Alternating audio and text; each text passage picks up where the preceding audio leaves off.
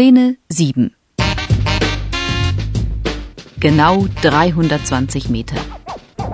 Oder wie ich in Luzern einem Urschweizer begegnete.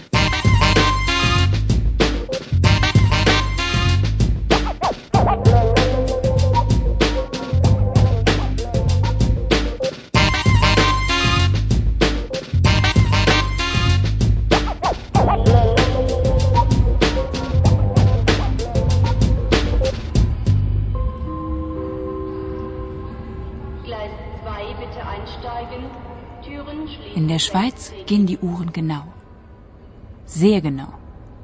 Genauer als anderswo. Und Schweizer sind pünktlich. Sehr pünktlich sogar. Genau wie die Uhren.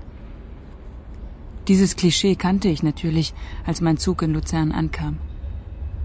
Ich kam aus Köln, war zum ersten Mal in der Schweiz und hatte mich für diese Stelle im Hotel zum wilden Mann beworben.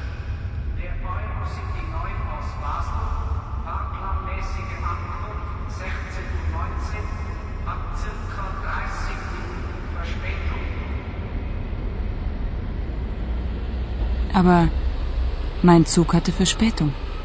Genau 30 Minuten zu spät kam er in Luzern an. Und um fünf war mein Termin. Und ich war nervös.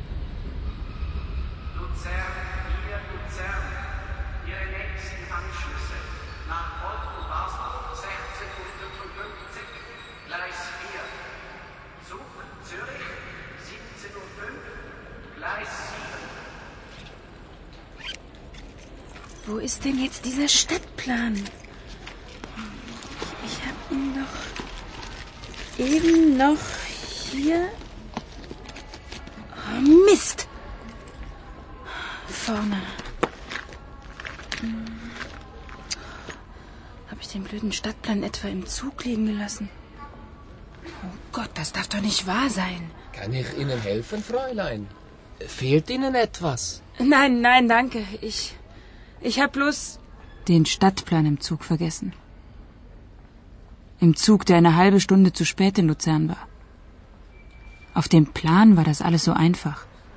Zum Bahnhof raus, dann zum See, vor der Brücke links, dann kommt der Park und dann die Kirche. Aber die Wirklichkeit war anders. Farbig und kitschig wie eine Postkarte. Und dann die vielen Touristen. Switzerland. On this side, you can see Mount Pilat. And over there, the famous Rigi, where Mark Twain wrote his famous tribute Ach, to the und ich hab beauty gedacht, das ist der Mount Everest. Ha, ha. Jetzt komm schon, ganz ruhig.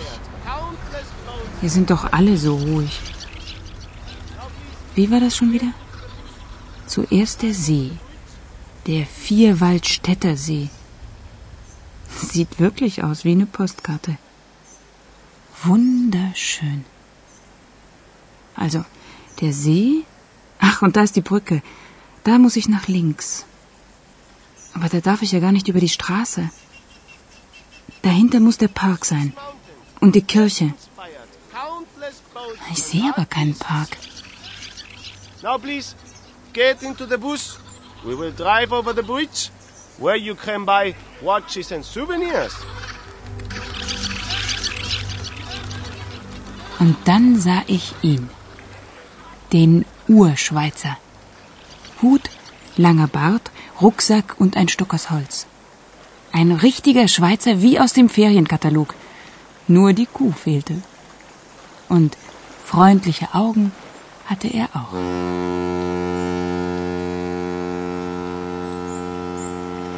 Entschuldigen Sie bitte. Ich suche das Hotel zum wilden Mann. Können Sie mir sagen, wie weit das ist? Hm? Ähm, ja, warum nicht? Ja, und? Ist es weit? Ja, ja, das kann ich Ihnen schon sagen.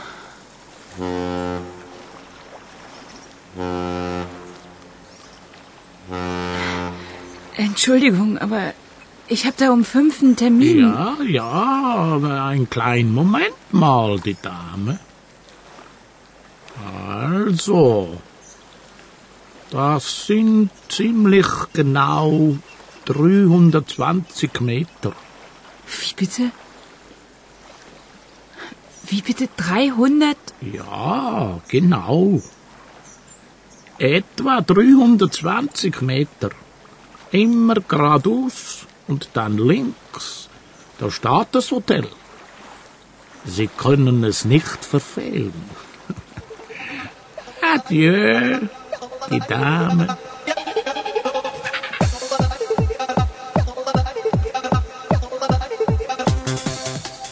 Nicht zu glauben. Aber die Schweizer nehmen es wirklich ganz genau. Und der Urschweizer hat sich ruhig die Zeit genommen, den Weg zum Hotel im Kopf abzugehen. Und die Antwort war genau. Sehr genau. Es waren wirklich 320 Meter bis zum Hotel. Nur, ich war leider nicht ganz pünktlich. Fünf Minuten zu spät.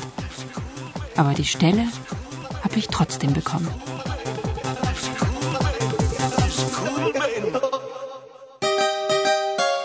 Das war das Spiel. Jetzt sind Sie dran. Bitte sprechen Sie nach.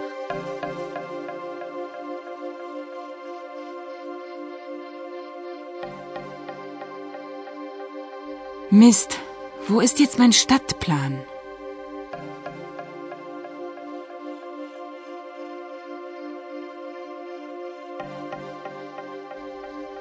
Oh Gott, das darf doch nicht wahr sein.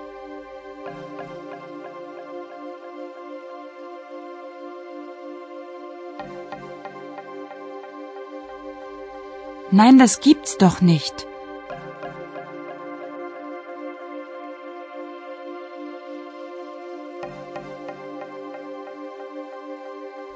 Ich hab ihn im Zug vergessen.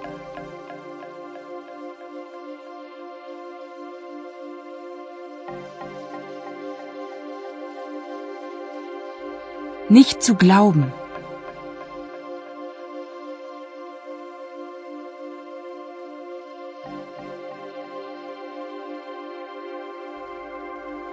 Die Schweizer sind pünktlich.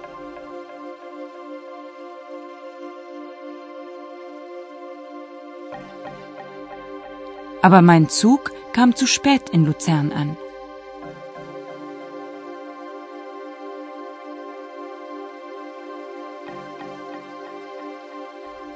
Der Zug war nicht pünktlich.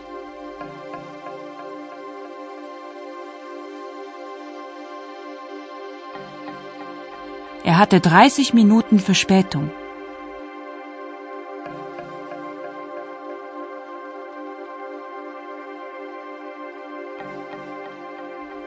Genau um fünf war mein Termin.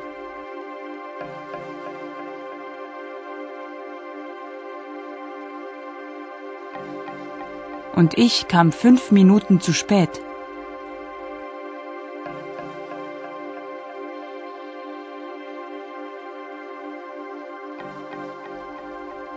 Entschuldigung, wo ist das Hotel zum wilden Mann?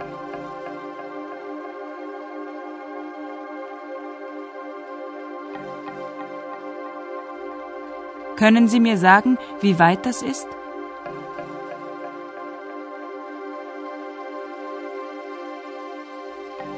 Entschuldigen Sie bitte, ich suche das Hotel zum wilden Mann.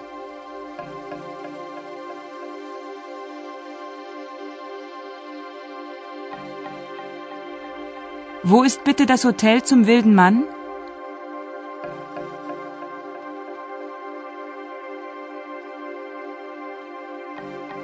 Gehen Sie aus dem Bahnhof raus und dann links.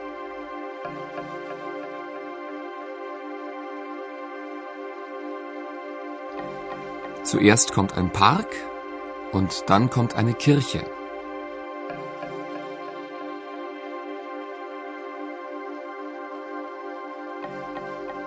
Sie müssen immer geradeaus gehen und dann links.